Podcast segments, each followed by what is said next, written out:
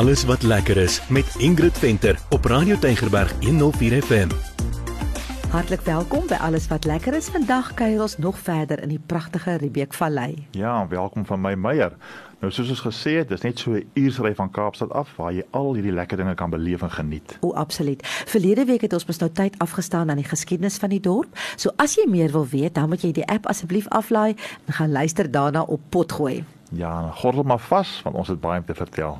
Dis inderdaad so. Nou kom ons gaan eers plaas toe, twee plase om die waarheid te sê. Ja, ons het nou daar vir Susan ontmoet. Sy het 'n nuwe besigheid begin en die plek se naam is The Country Chick.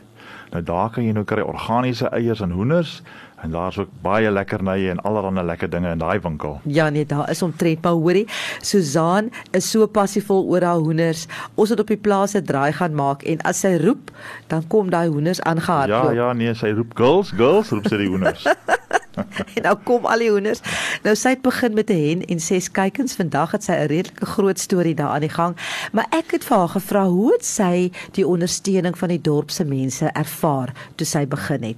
Die Country Chick is 'n nuwe besigheid in Riebeek Kasteelomgewing en dit is wonderlik hoe die gemeenskap staan saamgestaan het en 'n nuwe besigheid support ondersteun en steeds lojaal elke dag kom inloer en 'n groot sukses van dit maak. Nog 'n ander winkel wat baie goed vaar as gevolg van die fantastiese mense in daai Riebeek Vallei is die Posduif. Daar kry ons vir Willem Kotse, hulle het nou onlangs hulle deure oopgemaak. Ja, maar toe is ons nog na 'n heel wat groter plaas toe. Ja, hoor hier. Ehm uh, vandag gaan ons nou net 'n ou lusmakertjie gee want ons gaan terug die einde van die jaar en dan gaan ons regtig baie om te vertel. Ja, ja, maar dis die plaas van Delico. Dit is 'n baie groot plaas met 'n groot slagpale en daar word omtrent so 2000 skape per dag geslag. Ja, wie sou nou dit kon dink net dat daar so 'n plek in die Riebeek Vallei is, maar jy wonder seker nou wat gaan daar aan? Nou, dis 'n baie mooi storie. Dit is 'n storie van 'n ma wat begin het in 1992 op haar kombuistafel. Sy het 4 kinders. Hulle sit alles voort alhoewel sy is nog baie aktief uh, betrokke by die besigheid, maar hulle is besig met groot uitbreidings. Daar kom 'n groot winkel, speelplek vir kinders, 'n trekker ritte vir die kinders, nuwe kantore, 'n nuwe groot abattoir vleisverwerkingssentrum. So ehm um, Ons gaan terug die einde van die jaar en dan sal ons jou mooi van alles kom vertel. Maar daar is nou reeds 'n winkel, so jy kan reeds daar van hulle produkte gaan koop. Jy kry dit in elk geval oral by elke slaghuis omtrent en 'n uh, deli kry jy reeds van hulle produkte, maar jy kan daar ook gaan koop. Maar toe ek vir Henry ontmoet, toe vra ek vir hom nou maar Henry, hoekom is vleis dan nou so duur? In die winter het ons nie baie slaggereed lammers in die Weskaap nie. Ons uh, het wel 'n lamtyd en 'n lamseisoen en daarom is daar groot tekort aan slaglammers in die wintermaand en die hoë pryse. Wanneer die somer kom, hierso ons praat van ehm um, einde Augustus, middel September, dan kom ons lammetjies in die mark plaaslik en die lamsvleispryse behoort dan redelik af te kom as gevolg van die beskikbaarheid. Ja, op die dorp Bibi Kasteel is daar ongeveer 32 restaurante Maar ons gaan nou vir julle net so van twee vertel waar ons ingeloer het. Ja, ons kon ongelukkig by L32 ja, eet nie. Ja. Dit klink vir my na 'n storie, maar ons was by the Baan en julle, dit is 'n pragtige plek. Ons het vir Thomas Jamnek daar ontmoet. Hulle kos is absoluut fantasties. Hier voel jy so spesiaal want hoe hulle die kos voorsit, die kwaliteit van die kos. Binne is dit pragtig, die dekor is so mooi gedoen, maar buite is absolute wenresep. Jy weet die uitsig wat jy van daar af het, kan jy nie vir iemand beskryf nie oor daai vallei. En nou hoor net gou wat sê Thomas oor hulle kos. Ingrid, ons sit regtig in 'n baie mooi deel van ons land. Ehm um, die ou akkerbome, die uitsig wat ons het, die berge wat daar ver lê, springbokkies wat om ons loop.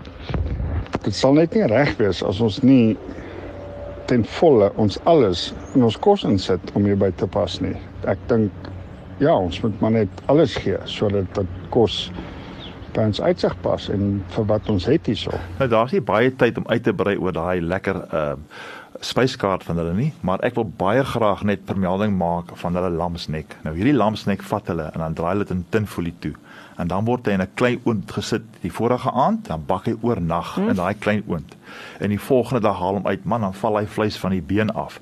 Maar ek wil ook dan net noem van hulle lekker nagereg en die spesifieke ene wat ek wil noem is die Belgian sjokolade mousse met sy amarula cream center. Kyk hier, as jy nou nie net by die aanhoor van dit lus kry daarvoor of om te gaan nie, dan weet ek sou waar nie. Wat ek ook gewil noem is hulle het nou pragtige tuine. Jy sit nou daar buite en dan is daar so 'n geplaveide gedeelte met hierdie water wat so uitspuit in die somerne maande natuurlik nou veral vir die kinders. Dan kan die kinders nou lekker. Dis amper onthou soos die ou tyd toe die kinders die ons as kinders ons deur die spreiers gehardloop. Ja. Onthou jy my, het jy Ja. ook dit gedoen? Ja, nee, dit is Dis amper so, so 'n moderne spreier, Ja. maar baie pret vir die kinders. Ja, en dan is daar die Jolly Olive. Nou dit is so ware jolly plek met 'n Ja. lekker mooi uitsig. Ja. Dit is baie vrolik daar en hulle sê dis die enigste plek waarvandaan jy die kerk en die hotel kan sien. Ja, en die manne kom daar by mekaar op 'n Vrydag aand en dan kan jy ook die rugby volg want hulle het 'n hele paar screens daar waarop jy rugby kan kyk. Ja, en die kos is lekker. Dis Ja. nou tipies wat pas by die restaurant. Ek het vir Peer gevra om so 'n bietjie te vertel oor hulle spyskaart. Uh ons is 'n pub, soos dit natuurlik nie 'n complicated menu nie. Uh ons menu is uh maar net uh enigiets van burgers, ribs, uh chicken strips, buffalo wings, uh hake uh en dan natuurlik 'n uh, calamari en dit is waarvoor die mense natuurlik baie terugkom. Hulle like ons calamari hier by die Jolly Olive. So ja, dis 'n lekker basic menu, maar lekker saam as jy ietsie wil eet. Uh ons sê altyd dis nie 'n plek waar jy kom, uh dis nie 'n 5-ster restaurant nie. Uh dis waar mense kom om te ontspan en te kuier en as hy lus voel om iets te eet, dan eet hy en dan gee ons vir hom goeie kos. En as jy nou lekker geëet het, dan soek jy mos nou 'n slaap of 'n rusplek.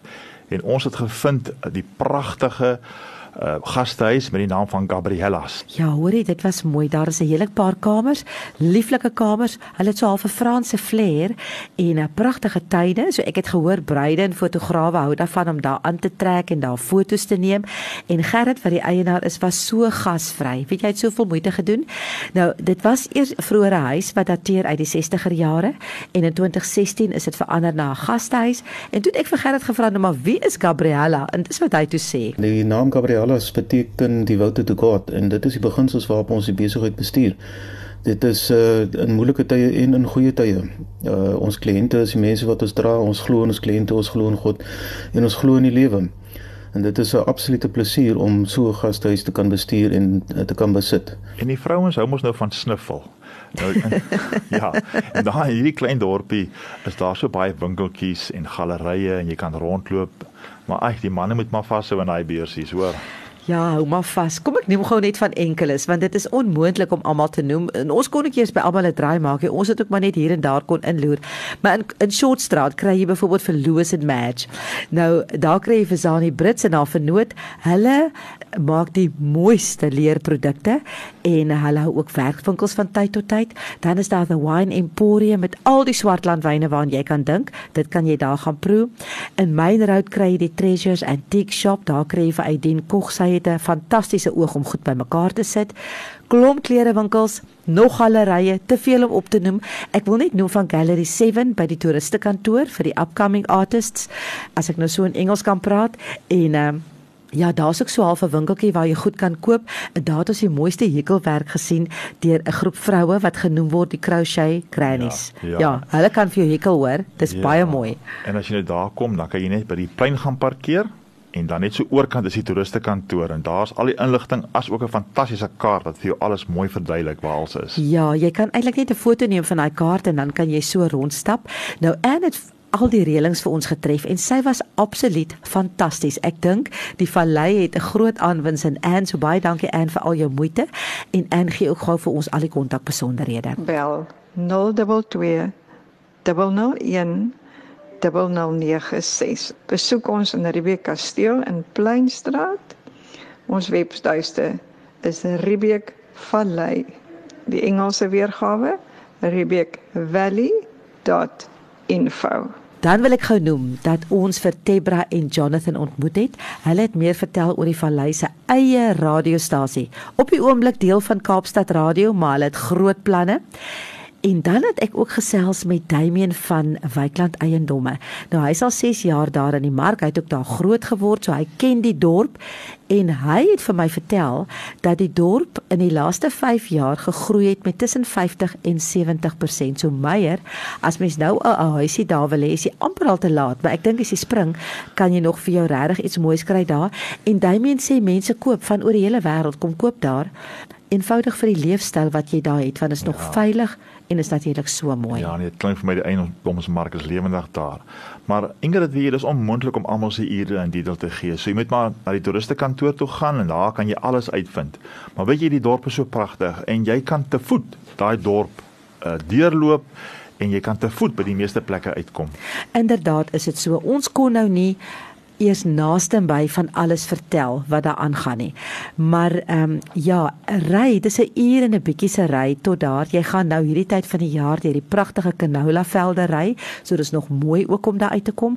En dan kan jy nou gaan kyk wat is alles in daai dorp. Dit het soveel om te bied vir toeriste en jy gaan dit baie baie geniet as jy hou van kuns, as jy hou van mooi goed, as jy hou van vriendelike, hartlike mense en natuurlik moenie vergeet die 32 restaurante nie, dan is Riebeek van Vallei die plek vir jou. So, mag jy lekker kuier daar en dan volgende week, ja, volgende week is ons bietjie nader. Dan is ons weer terug hier in die Kaap. So bly dan ingeskakel vir nog 'n episode van Alles wat lekker is. Totsiens van my. En groete van my Meyer.